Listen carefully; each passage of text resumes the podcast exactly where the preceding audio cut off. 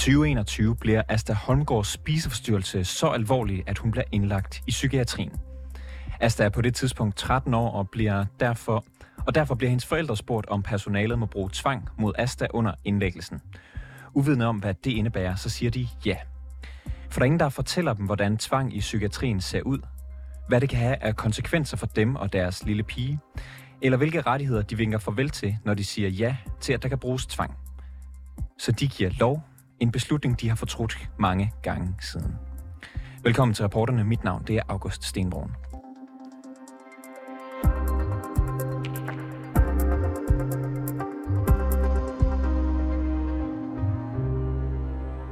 Når børn under 15 år bliver indlagt i psykiatrien, så er det forældrene, der har retten til at samtykke til tvang. Vælger de ikke at samtykke, så kan der stadig bruges tvang mod børnene, hvis det er strengt nødvendigt. Men vælger, til geng- øh, vælger forældrene til gengæld at sige ja, så bliver tvangsindgreb ikke længere set som tvang, og man vinker farvel til en række rettigheder. Og det er dybt problematisk, særligt i lyset af, at forældrene ofte ikke ved, hvad de samtykker til. Det forklarede generalsekretær for Foreningen Bedre Psykiatri, Jane Alrø, da hun besøgte rapporterne tidligere på måneden. Forældrene ved simpelthen ikke, hvad det er, de siger ja til, og mange af dem bliver rystede, øh, angste, bange, nervøse, ked af det, når de oplever, hvad det er, øh, det egentlig går ud på, og hvad det er, de har sagt ja til. Og når forældrene så oplever, hvordan det foregår, så er der mange af dem, der bliver rystet over, hvor voldsom en oplevelse det faktisk er.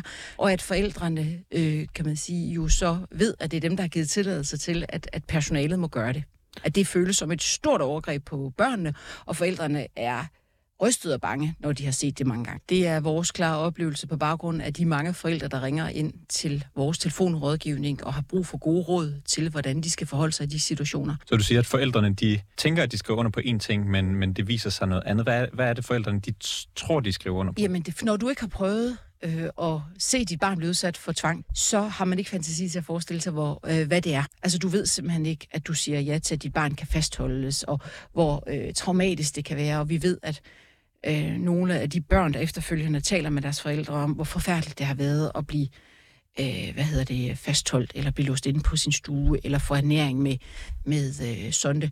Hvor, hvor forfærdeligt, hvor stort et overgreb de har følt det, og hvor mange af dem kan beskrive, at de sådan er traumatiseret af det efterfølgende. Og derfor så kan man sige, det der ofte vi oplever, der går galt, det er, at det personale, der skal vejlede forældrene om, det, om hvad det er, det handler om. De simpelthen ikke bruger tid nok på forældrene til at fortælle om, hvad betyder det. Og så sker der faktisk også det, som er en, et stort problem i virkeligheden, også som, som er et principielt problem. Det er, når forældrene så giver tilsavn til, at børnene må udsættes for tvang, så mister øh, børnene en væsentlig patientrettighed netop at kunne klage over behandlingen. Øh, hvis det er lægen, der øh, beslutter, at barnet skal, udsætte, skal øh, udsættes for tvang, øh, skal have mad med tvang eller noget andet, så kan barnet og forældrene klage over behandlingen, hvis man er uenig i beslutningen. Men i det, at forældrene har givet tilsavn, så bliver det pludselig en magtanvendelse, og så kan du klage over behandlingen længere. Det vil sige, at barnets øh, retsstilling svækkes betragteligt på den her måde. Så det har så det dobbelte side, at forældrene ikke ved, hvad de siger ja til, øh, og de mister også retten til at kunne klage over øh, behandlingen. I 2022 blev 129 børn under 15 udsat for tvang, men det er kun 18 af de børn, som i lovens forstand er blevet tvunget. Resten er nemlig sket med forældrenes godkendelse. En godkendelse, som Julia Holmgaard, mor til Asta, oplever at have givet på et ekstremt uoplyst grundlag. Reporter her på programmet Clara Edgar har besøgt Julie og Asta Holmgaard, og hun starter med at spørge ind til en konkret episode, som fandt sted kort tid efter, at Asta blev indlagt for en atypisk spiseforstyrrelse. En spiseforstyrrelse, der bestod i, at Asta var bange for at blive kvalt i mad. Da hun blev indlagt, har Asta ikke spist fast føde i mere end et år, og hun vejer 33 kilo. Og her er der en gruppe ansatte på den psykiatriske afdeling, der tvinger hende til at afgive en blodprøve. Jeg er meget angst for nåle, og jeg har også autisme, så jeg er ikke så vild med at fremud fra ved mig sådan sindssygt meget. Øhm, så det var ikke lige noget, jeg bare lige var parat til at gøre, bare sådan lige hurtigt og nemt. Øhm, så øh, det, de gør i stedet for, det er, at de leder ind i et rum ved siden af med kun en briks, ligger en der, og så kommer der otte folk ind, måske mindst, og for at holde en fast, og nogen, der står og kigger på, mens de tager blodprøven. Ja, mm. og så øh, det eneste, man får bagefter, det er, at der kommer en anden medarbejder ind, som ikke var en del af det, og spørger, har du det godt nu? Altså, er du okay? Mm. Det var det, man fik ud af det. Den her blodprøve, jeg tænker, det var, at det var vigtigt for dem at få, få taget dem for at se, hvordan du, du havde det, altså hvordan din krop havde det. Øhm, hvorfor var det så, så svært for dig bare at sige, jamen, så kommer og tage den? Øhm, det ved jeg ikke. Jeg tror, jeg tror ikke, nogen synes, det er fedt at få taget blodprøver overhovedet. Men jeg tror bare, at jeg var virkelig, virkelig bange for det. Sådan ekstremt bange for det. Men man endte jo med at skulle tage blodprøver derinde sådan en gang om ugen, eller sådan noget der omkring. Øh, så jeg blev i hvert fald bedre til det. Jeg blev øvet i det. Øhm, og hvad, øh, altså kan du huske, hvad, hvad du sådan tænker den her øh, dag, altså, hvor der så lige pludselig kommer en, du siger, en stor flok på, på otte mennesker ind og ja, afkræver en, en blod, blodprøve fra dig? Jamen, altså, man, man blev lidt snydt, for jeg så dem ikke i første omgang. Sådan, øhm, altså, der kom en, jeg stolede rigtig meget på, ind og sagde, kom, vi skal lige ud og snakke i et andet rum. Og så fører han mig ind i et rum ved siden af, og det er så der, de er derinde. Og så ved jeg jo godt lidt, hvad klokken er slået, ikke? Øhm, jeg tror bare, at jeg er sådan lidt opgivende. Jeg ved godt, der ikke er noget, jeg kan gøre. Men jeg bliver selvfølgelig rigtig ked af det, men jeg gider ikke engang stride imod. At, at, altså, men det var selvfølgelig rigtig ubehageligt. Jeg følte mig rigtig, rigtig utilpas. Og jeg havde det også rigtig utilpas bagefter. Og i lang tid efter faktisk. Også dengang jeg blev udskrevet. Så. Øh, utilpas, hvordan? Kan du prøve at sætte lidt flere ord på, på det? Jamen, jeg tror ikke, at nogen synes, det er rart. Altså, det føles jo lidt som et overgreb. At jeg tror ikke, der er nogen, der synes, det vil være rart at blive placeret på en briks, og så bare skal, er der en, der holder fast i en skulder og begge arme, og hen over benene og maven. Altså, det tror jeg ikke, nogen synes er sådan særlig behageligt. Jeg tror bare, man bliver sådan lidt... Jeg tror, jeg gik lidt i chok, så jeg, jeg lå bare stille og græd lidt for mig selv. Ja. Mm.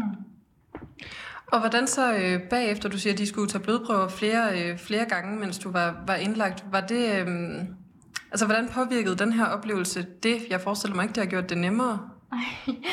øhm, nej, men på en eller anden måde, altså, det motiverede mig vel til at gøre det mere frivilligt, fordi jeg vidste, hvordan det kunne ende i stedet for, men det gjorde det jo ikke. Altså, det er jo stadig ikke behageligt overhovedet. Nej. Mm. Øh, og du siger, at du havde det ubehageligt, øh, også længe bagefter. Altså sådan, hvordan, øh, hvordan påvirkede det dig? Jamen, altså, øhm, nu nævnte jeg det med, at jeg har haft det svært med, at fremmede rørte ved mig. Det har jeg ikke sådan rigtig mere, det er kommet meget over. Men for eksempel, hvis nu, at nogen har holdt mig fast, eller sådan noget, efter, du ved, hvis man, nu, hvis man slår sig lidt med sin kæreste, eller sådan noget, og han holder armene fast på en, ikke? Du ved, sådan nogle ting. Det har jeg synes har været rigtig ubehageligt. Og jeg har også haft sådan lidt flashback, hvis man kom ind på noget i emnet. Øhm, men det gik også væk efter, det ved jeg ikke, måske et års tid, max. Og det var altså flashbacks til den her episode og til den her dag? Ja, det var det. Ja. Mm. Øh, du, du nævnte så, at der kom en ind bagefter og spurgte, øh, om du var, var okay, øh, og siger, det, det var du ikke. Kan du huske, hvad du, hvad du sagde på det tidspunkt? Jeg tror ikke, jeg var særlig interesseret i at snakke med hende, så jeg tror ikke, jeg sagde så meget andet end ja, eller nej, det, det ved jeg ikke. Jeg tror ikke at jeg vidste helt, hvad jeg følte, og jeg tror ikke, jeg gad at snakke med hende. Jeg tror ikke, jeg har sagt så meget der. Øh, og man kan sige, det her det er så ligesom en episode. Øh, hvor, hvor stort indtryk gjorde det på dig? Hmm, det gjorde nok ret stort indtryk. Det var altså ret tidligt på, at jeg kom derind, at det skete. Øhm, og jeg, jeg ved ikke, om det kan have gjort, at jeg var mindre samarbejdsvillig måske. Det ved jeg ikke. Øhm, men jeg tror da, igen, jeg tror virkelig, det ville, det ville sætte sig i alle at opleve det der. Om de altså, havde noget eller ej. Det er jo overhovedet ikke rart på nogen måde. Altså, nej.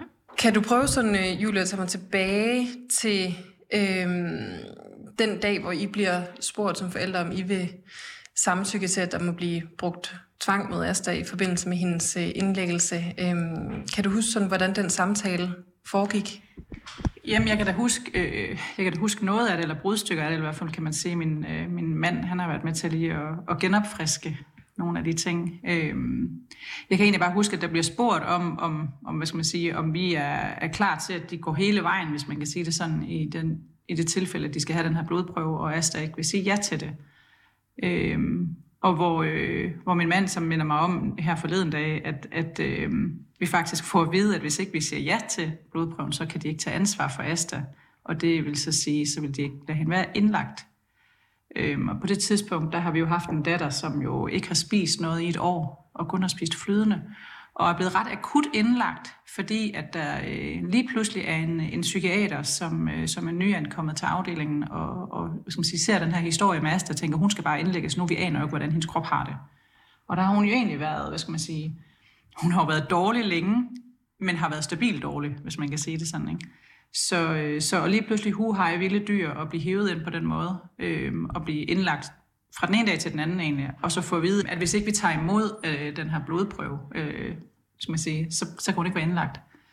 Og så siger man jo ja. Mm. Så tænker man jo ikke, altså at, at, at der er noget der. Øh, hvad skal man sige, vi har jo ikke noget valg, føler vi jo et eller andet sted, fordi nu har vi jo endelig fået nogen, der har, hvad skal man sige, hørt os og vil hjælpe vores datter, tænker vi. Så, så siger vi jo selvfølgelig ja. Var det et eller andet sted en, en lettelse for jer, så at der kom nogen på banen, nogle fagfolk, og sagde, ja, der skal noget hjælp på bordet her. Øh, nu prøver vi på en eller anden måde at, at tage over og sætte, sætte ind. Ja, 100 procent. Altså, vi, vi så det jo øh, som mega kærkommet, fordi at, at øh, jo Asta havde det rigtig, rigtig svært og mistrives rigtig meget øh, herhjemme. Så derfor så var det jo, øh, så glædede vi os jo næsten over, at, at der endelig var nogen, som kunne tage lidt over for os, fordi vi var jo udmattet. Vi havde jo ikke sovet i et år på det tidspunkt, det er ikke kun i sangen, altså det, det havde vi faktisk ikke. Øhm, og det havde Asta jo nærmest heller ikke. Så for os var det jo kærkommet, at der endelig var nogen, der sådan tænkte, nu prøver vi lige at give det her en chance, nu ser vi lige, om vi kan gøre noget for at hjælpe hende. Det hopper man jo gladeligt ind i som forældre, når man er så presset. Ja, og du siger, jamen, de fortæller, at de kan ikke tage, tage ansvar for, for Asta og for behandling, hvis, hvis ikke de kan få den her blodprøve, hvis ikke de også kan få lov til at gå øh, hele vejen. Det må være noget af et pres at stå med som forældre og få det at vide. Jamen det er det. Men jeg tror på det tidspunkt, der er vi begge to så ødelagte, øh, og familien er så ødelagt på det tidspunkt også. Det tror jeg alle, som har stået i den her situation med børn, der bliver så syge, at, at man, øh, man har ikke rigtig kræfter til at tage, øh, hvad skal man sige, nødvendigvis at tænke rationelt, eller tænke over, hvad konsekvenser det kan have. Det eneste, vi tænkte på der i den situation, det er, at, at vi vil gerne have, at vores datter hun får hjælp, og at hun skal have det bedre. Og så tænker vi jo egentlig ikke over, hvad, hvad, hvad det vil sige, det her med tvang. Vi, vi, øh, hvad skal man sige, vi forsøger måske lidt at forestille os det, men, men har jo stadigvæk ingen, altså vi har jo ikke den vildeste fantasi om, hvordan det egentlig foregår. Øh, og det er jo en, hvad skal man sige, en ret stor detalje øh, i det her. Øhm, og så tror jeg da også, at vi et eller andet sted jo måske håbede, at hun jo, hvad skal man sige, hvis de først troede med tvangen, ville, hvad skal man sige, ville overgive sig, men den mulighed kommer jo heller ikke, hvis man kan sige det sådan vel. Øhm. og der er ikke, øh, altså, det kan selvfølgelig være svært for, for jer som forældre at forestille jer, hvordan, hvordan kan det her se ud? Øh, I kender ikke psykiatrien på den måde, som, som dem, der arbejder i det gør. Der er ikke nogen af dem, der ligesom prøver at fortælle jer, hvad det kan betyde at skulle, skulle gå hele vejen, hvordan det kan komme til at se, se ud i praksis. Nej, overhovedet ikke. Det har de jo absolut heller ingen interesse i, fordi havde de gjort det, kunne det jo være, at vi havde sagt nej. Øhm, så, så det tænker jeg et eller andet sted. Og jeg tror også, de tænker, at det gavnede os at få det at vide måske. Jeg ved det ikke. Øhm, hvordan, hvad, hvad skal man sige, hvad man tænker i den situation, når man sidder og tilbyder forældre det her. Øhm, men, men det havde måske ikke gavnet os at få det at vide på forhånd. Bortset fra, det havde det jo nok. Fordi så havde det været, at, at vi havde passet lidt bedre på vores datter, end vi synes. for undskyld. Øhm, at vi så havde passet bedre på vores datter, end vi egentlig følte, vi gjorde i situationen. Ja. Du, øh, du bliver berørt nu, Julie. Hvad er det, der, der rører dig? Jamen, jeg ved ikke, jeg tror, det er det der med, at man føler sig sådan lidt sniløbet. Øhm.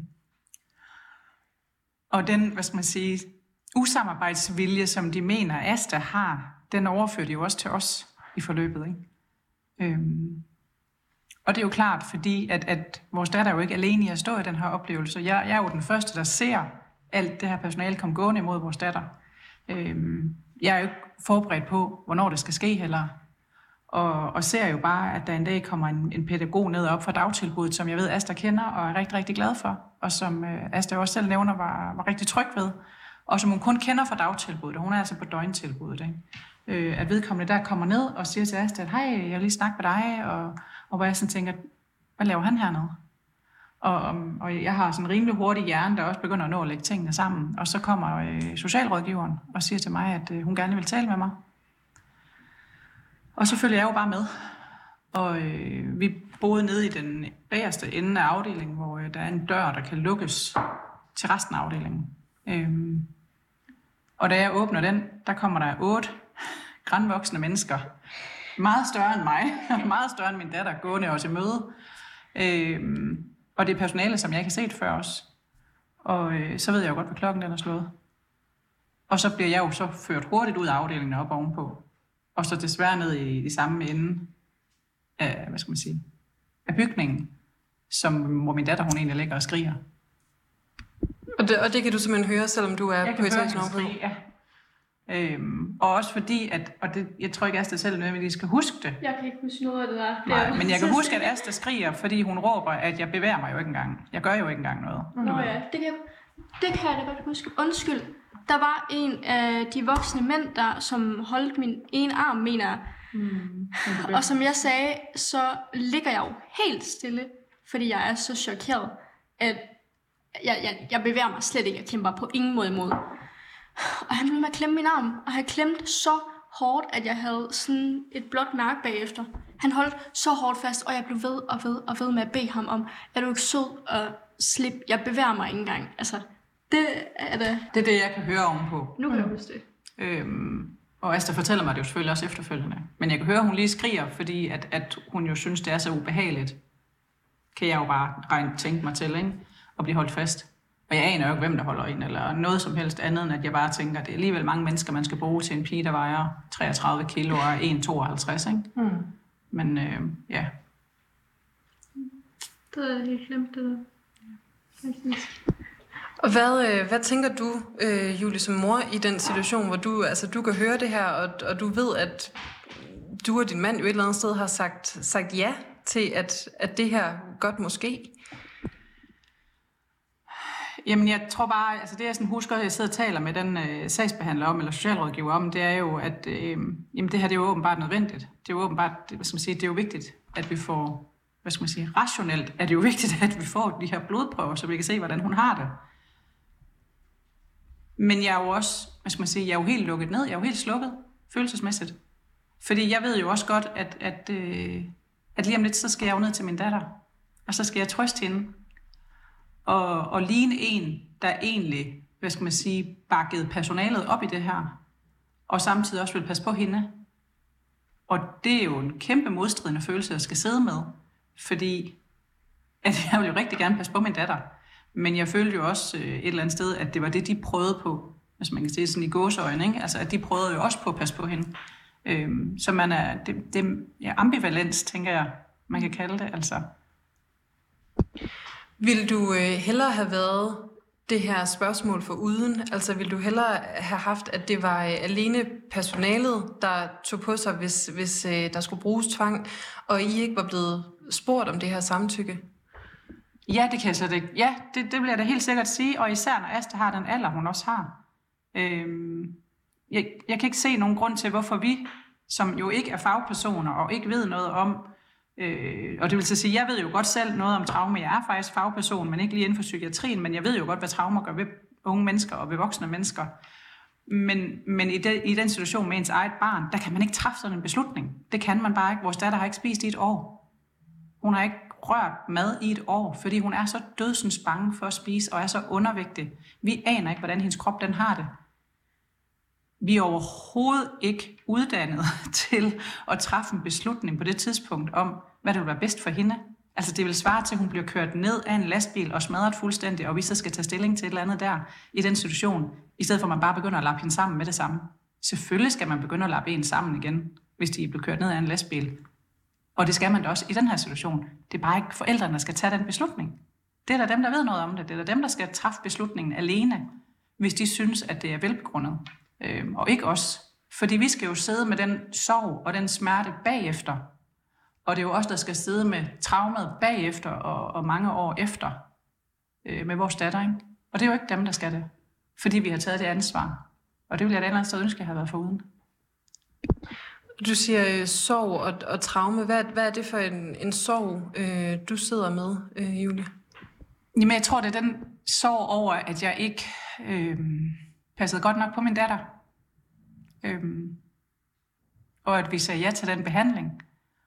Øhm, og og at, hvad skal man sige, at hun skulle være alle de oplevelser igennem, som hun var i det forløb, hun var i derinde. Øh, det er en kæmpe sorg, som man ikke kan hvad skal man sige, lægge fra sig. Øhm, og, og det har uden tvivl også givet nogle traumer, både til mig og min ægtefælle og til vores datter. Og, øh, Øh, jeg tror måske lidt også til vores to andre børn, men især øh, min mand og jeg med vores pige, ikke? Øh, vores store pige her. Øh, fordi vi har været udsat for ting og oplevet ting sammen, som, som jo har gjort så ondt. Og som hvis, øh, hvis vi hører noget, eller der sker et eller andet efterfølgende, eller siden der er sket et eller andet, så kan vi blive taget tilbage til den hvad skal man sige, det udløser noget, ikke? Altså det minder os om noget, som skete for nogle år siden, ikke? Altså.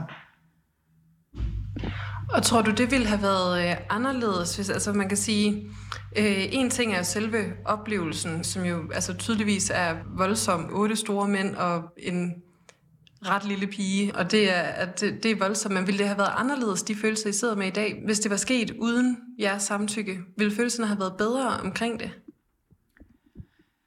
Jeg tror, hvis vi havde været forberedt på, hvordan det ville foregå, og øh, hvis ikke vi havde været på afdelingen, og havde været en del af det nødvendigvis også, Øhm, og hvis vi havde vidst, at det kunne have nogle konsekvenser, øhm, så tror jeg, det kunne have været anderledes. Og hvis ikke vi selv havde været med til at træffe beslutningen, så havde det også været anderledes. Det, det er jeg slet ikke i tvivl om. Øhm, fordi man, man, man går derfra med den her kæmpe skyldfølelse, over, at man har ladet det her ske mod ens barn. Og øh, det ville vi jo ikke have haft, hvis ikke vi havde stået med den på vores skuldre selv, som vi jo hvad skal man sige, fik lagt, pålagt os der. Når, øh, når forældre samtykker, så har det jo også nogle øh, rettighedsmæssige implikationer. Altså simpelthen, Astas rettigheder øh, ændres, øh, alt afhængig af om I øh, samtykker eller ej. Var det noget, der overhovedet blev nævnt for jer i, i den her proces? Øh, de konsekvenser, det kunne have øh, i forhold til, til retssikkerheden og klagemuligheder? Nej, nej, nej. Overhovedet ikke. Altså det eneste, vi ved jo, det er jo, at når man bliver over 15 år, må man frasige sig behandling. Og hvor vi sådan tænkte, så er vi da heldige, at hun ikke er 15 endnu. Øh, der er hun jo 12-13 år. Og det er det, vi ved. Og mere ved vi faktisk ikke. Og får heller ikke noget at vide om det. Vi får kun at vide, at Asta bliver udskrevet, hvis ikke vi siger ja til, at de må øh, påtvinge sig den her blodprøve. Sådan lød det altså fra Julia Holmgaard og hendes datter Asta Holmgaard. Lidt senere så skal du høre fra en cheflæge i børne- og ungepsykiatrien, som erkender, at forældre ikke nødvendigvis får afgørende informationer, inden de samtykker til tvang. Men inden vi kommer så langt, så skal vi lige have juraen på plads. Forældre skal nemlig ikke bare sige ja til tvang, men give et såkaldt informeret samtykke. Og gør de det, så har det konsekvenser for deres rettigheder. Tidligere i dag der talte jeg med Søren Birkeland. Han er professor i psykiatri og sundhedsret og tilknyttet psykiatrisk afdeling Middelfart, Odense Universitetshospital og Syddansk Universitet. Og jeg skal på forhånd beklage, at klippet med Søren Birkeland er lavet på to forskellige forbindelser, og derfor har lidt skiftende lydkvalitet. Jeg starter med at spørge ham, om der kan være tale om informeret samtykke, hvis ikke man har fået at vide, hvordan tvangen i psykiatrien rent faktisk ser ud. Når du stiller det principielle spørgsmål, om man kan give informeret samtykke uden et relevant beslutningsgrundlag, ja, så må svaret jo være nej. Vi har talt med en uh, cheflæge i børne- og ungepsykiatrien, som ikke kan afvise, at de ikke altid får givet forældrene alle informationer om retsstilling og tvang. Er det et, problem? Jeg synes først og fremmest, det er godt, at man i klinikken er opmærksom på, at der kan være udfordringer med at leve op til de her samtykkekrav. Men øh, Altså det er naturligvis et problem, hvis det er, at man ikke lever op til, til samtykkekravene på det her område. Hvorfor er det et problem? Hvad kan det have af konsekvenser? Jamen, øh, det har jo som øh, konsekvens, at hvis det er, at, øh, at man ikke har været opmærksom på at informere øh, forældre og myndighedsindehaver inden, at øh, de skulle tage stilling til, om de vil give det her samtykke, så har vi jo den problematik, at øh, forældrene de risikerer at give et samtykke på et ufuldstændigt grundlag. Det vil sige, at de samtykker til noget, som de øh, muligvis ikke ville have samtykke til, hvis de rent faktisk kendte til øh, konsekvenserne af deres samtykke. Og, og når forældrene så samtykker til, til den her brug af, af tvang i, i psykiatrien for, for deres børn. Øh, så, så vidt som jeg forstår det, så er det ikke tvang længere i lovens forstand, øh, og det betyder, at man ikke har ret til en patientvejleder, at man ikke kan klage over den tvang, der er blevet brugt efter psykiatriloven. Er man så at sige helt uden mulighed for at klage, øh, når man har underskrevet sådan en samtykke? Øh, man kan jo først og fremmest øh, i give sin utilfredshed til kende over for dem, som man er utilfreds med. Det kan jo være den psykiatriske afdeling, man henvender sig til og fortæller, at man er, man er utilfreds. Men ellers så er der jo de almindelige klageadgang i sundhedsvæsenet, såsom at klage til øh, regionen og Styrelsen for Patientklage, Styrelsen for Patientklager med videre. Så der, så der er klagemuligheder? Jamen det er der, ja. Det man kan sige, det er jo, at det vil være alt andet lige klart at foretrække, at man kunne anvende de øh, klageinstanser, de klagemuligheder, som rent faktisk er designet til at håndtere de her særlige problemstillinger, i stedet for at skulle øh, ud og, og kigge efter alternativer. Hvad betyder det, når man klager, øh, hvad kan man sige, den alternative vej igennem sammenlignet med, hvis man øh, klager til det psykiatriske patientklagenævn? Jamen, hvis øh, man klager til behandlingsstedet eller regionen, så er der jo mulighed for, at de kan undersøge, hvad der er sket, og man kan indlede en slags dialog om forløbet. Og eventuelt så kommer der klarhed over forløbet, og man kan finde ud af alt, der egentlig er gået rigtigt til. Eller patienten og forældrene kan eventuelt alternativt få en undskyldning. Hvis det er hos Styrelsen for Patientklager, så er der jo mulighed for, at behandlingen øh, kan få kritik, eller hvis det er hos Sundhedsmæssigt Disciplinærnævn, så er det enkeltpersoner blandt behandlerne, som kan få en kritik. Men øh, på den anden side, hvis det er en klage over en beslutning om for eksempel tvangsmedicinering, til det psykiatriske patientklagenævn, så har en sådan klage, den vil jo i udgangspunktet have en opsættende virkning, så man ikke går i gang med at tvangsmedicinere og den unge før nævnets øh, godkendelse, så at sige. Og det er på en måde en særlig retssikkerhedsbeskyttelse, der ligger i muligheden for at klage til det psykiatriske patientklagenævn, som så ikke findes hos de andre øh, klagemuligheder.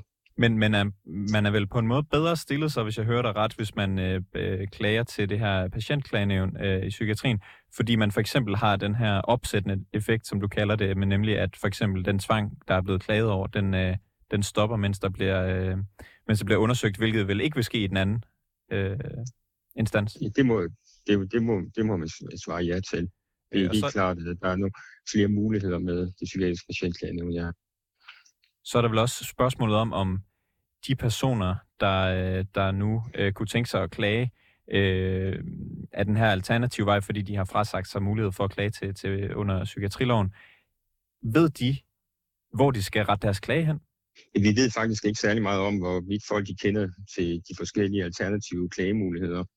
Så det kan jeg ikke rigtig svare på, men det, der er jo som sagt ikke en vejleder tilknyttet øh, hvis man ikke er underlagt, øh, underlagt tvang efter psykiatriloven, og hvis man ikke får vejledning eller rådgivning om de forskellige klagemuligheder, så bliver det jo nemt op til folks egen individuelle viden og deres forudsætninger for måden.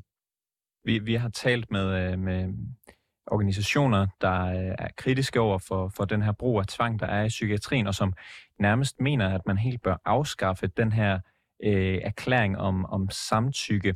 Kan du forklare mig, hvad er det for en interesse, man har ude i psykiatrien for at hvad kan man sige, få lov til at bruge øh, den her øh, tvang? Øhm, det er jo lidt, øh, som jeg hører, det lidt forskellige øh, Øh, spørgsmål. Altså det, muligheden for at anvende tvang, det er jo en, øh, en klinisk øh, vurdering, som, øh, som ligger inden for psykiatrien og hos øh, de psykiatriske klinikere. Så det er én ting. Altså noget andet er så, øh, hvordan at øh, tvangen den så gennemføres. Og øh, der har vi så efter den her præcisering af øh, psykiatriloven for nogle år tilbage, jo så fået den her mulighed for, at øh, forældremyndighedsindhaverne de kan samtykke på børnenes vegne, hvor man ellers vil tale om tvang. Og det er jo et, en løsningsmulighed. Den anden løsningsmulighed er jo, at øh, at man ikke har sådan en særbestemmelse, men man siger, at øh, i alle tilfælde, så skal psykiatrilovens øh, bestemmelser bruges, og med de retssikkerhedsgarantier, som følger af psykiatriloven. Og det er også noget, der har været øh, diskuteret en del, hvilken løsning der vil være den bedste. Og øh, nu kan jeg så forstå på, øh, at der har været nogle øh, cases, hvor det har været problematiseret om, om nogle af de ulemper, der kan være med, øh, den særlige ordning med forældresamtykke, at de øh, ja, har, er kommet frem i lyset. Og det er jo noget, man må tage stilling til, øh, om de, de ulemper, om de vejer op i forhold til de fordele, der måtte være ved at kunne bruge et forældresamtykke. Og hvad, hvad kan de fordele være?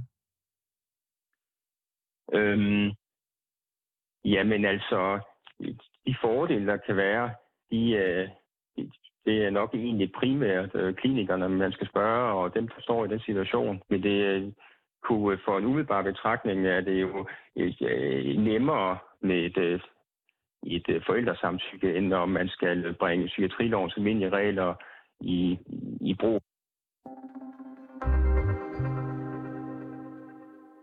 Både Børnerådet og Foreningen Bedre Psykiatri kritiserer brugen af forældresamtykke til tvang i psykiatrien.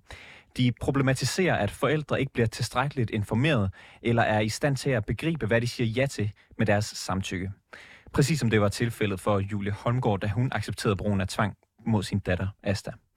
Og at tvangen så efterfølgende ikke kan påklages efter psykiatriloven med fordele, som øh, det giver, det gør kun ondt værre.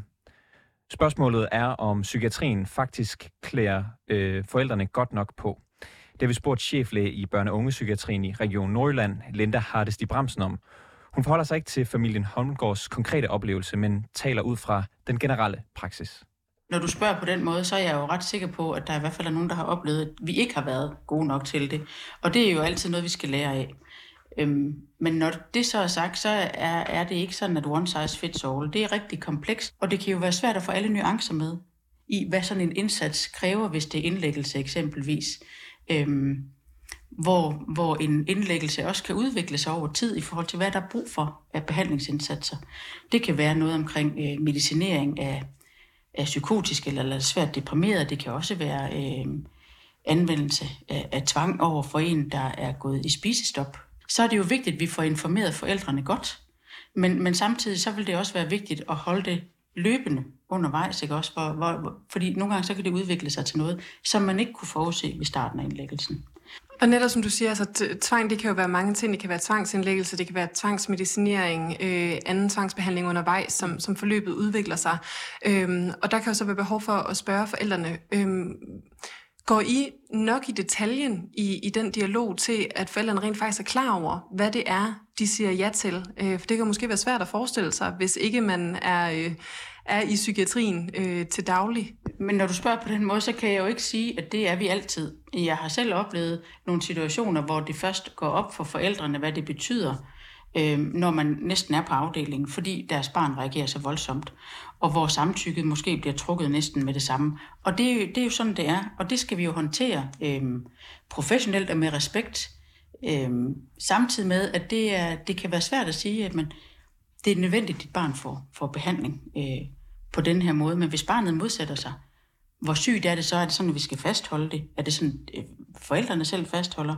Og nogle gange, så kan, man jo, så kan jeg godt finde på at sammenligne lidt med, hvis det var en fysisk sygdom, at man havde et barn, der havde en, en øh, øh, kraftsvulst i hjernen, eller, eller øh, havde meget svær øh, infektion, eller øh, sukkersyge, så vil vi jo ikke være i tvivl om, hvad der vil være godt for barnet, selvom barnet ikke vil med ind på, på hospitalsafdelingen.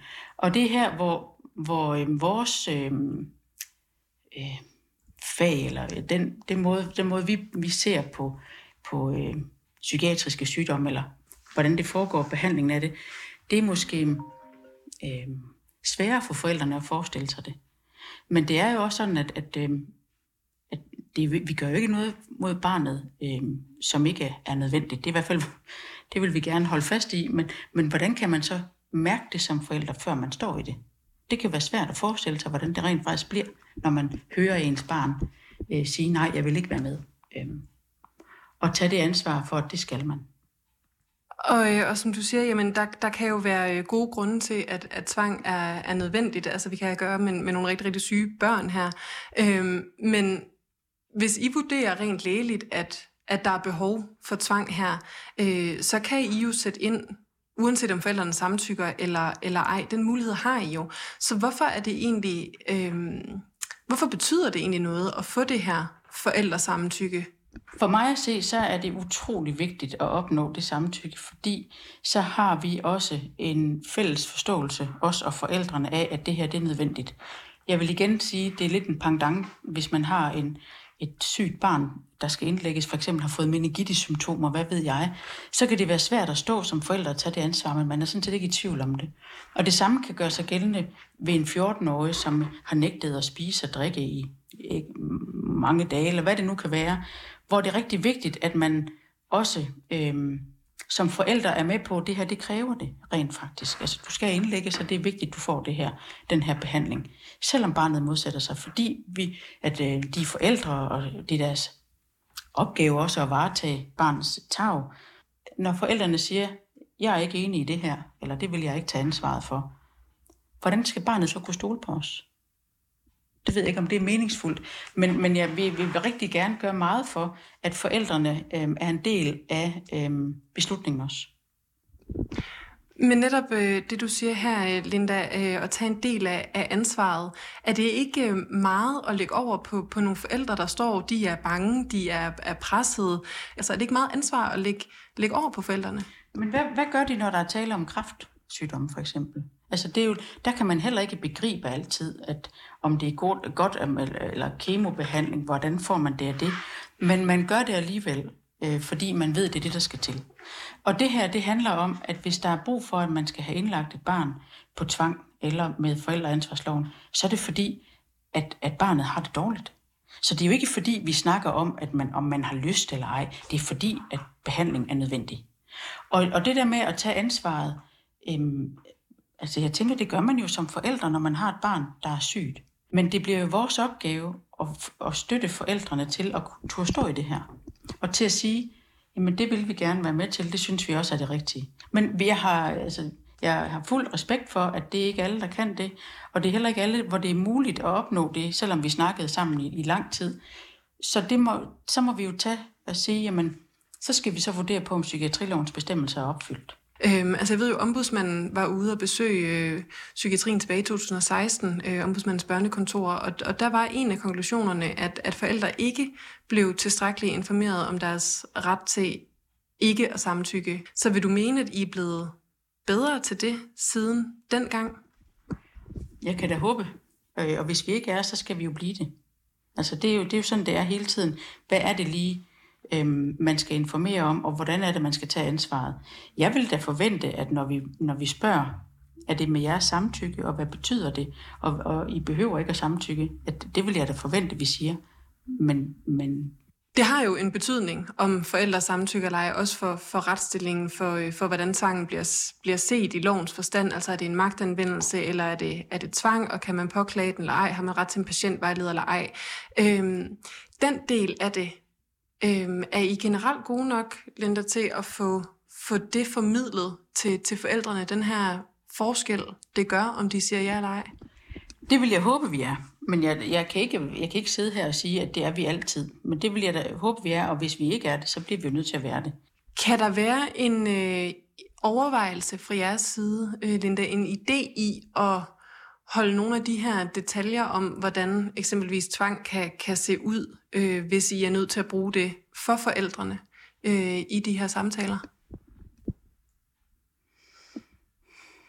Ofte så vil jeg faktisk ikke tro, at man på forhånd altid er klar over, hvornår man anvender tvang. Altså hvornår det, der er behov for det. Så det kan jo være svært at sige, at det her det er muligt øh, ved alle, der bliver indlagt. Altså, så hvornår er det så også, at man skal, man skal informere om det? Man kan godt lave øh, pjæser, det tror jeg, vi har. Men, men, men det handler lidt om, hvad er det så, øh, hvad, hvornår skal man informere om hvad? Fordi nogle gange, så sker det jo, det gør det ofte, i akutte tilstande. Og så kan man ikke nå at informere om det på den måde. Så, så, øhm, og så skal man jo selvfølgelig tale om det bagefter, ved eftersamtale. Men hvis man, det, det er ikke altid, man kan nå at forberede. Og, øhm, og give en, en generel information kan man godt ved en pjæse, men at tale sådan helt specifikt om, hvordan det helt altid foregår, det kan være svært. Tror du, øh, som det er i dag, så man sige, så, øh, så samtykker langt de fleste forældre jo. Så vidt jeg husker, så øh, var tallene for 2022 sådan noget med, at der var 129 børn under 15, der var blevet udsat for, for tvang i, i psykiatrien, men det var kun i Øh, 18 tilfælde, eller 18 af de her børn, som, som ikke havde en øh, havde samtykkende forældre. Øhm, tror du, flere forældre vil vælge ikke at samtykke, hvis I gik mere i detaljer med, hvordan tvangen rent faktisk kunne se ud i psykiatrien? Det håber jeg faktisk ikke. Det kan jeg bare sige, fordi det lyder, du får det til at lyde som sådan en skræmmekampagne, øhm, men det handler jo lidt om, hvornår, hvorfor, hvorfor, hvorfor er det nødvendigt nogle gange. Så jeg tror, det bliver også vigtigt, vigtigt at sætte op, i hvilke situationer kan det være nødvendigt. Og jeg må også minde om, at der er rigtig mange, der siger, hvorfor kan I ikke bare give hende en sonde? Hvorfor kan vi ikke bare, og hvor vi nægter det faktisk, hvor vi siger, nej, det her det er ikke løsningen.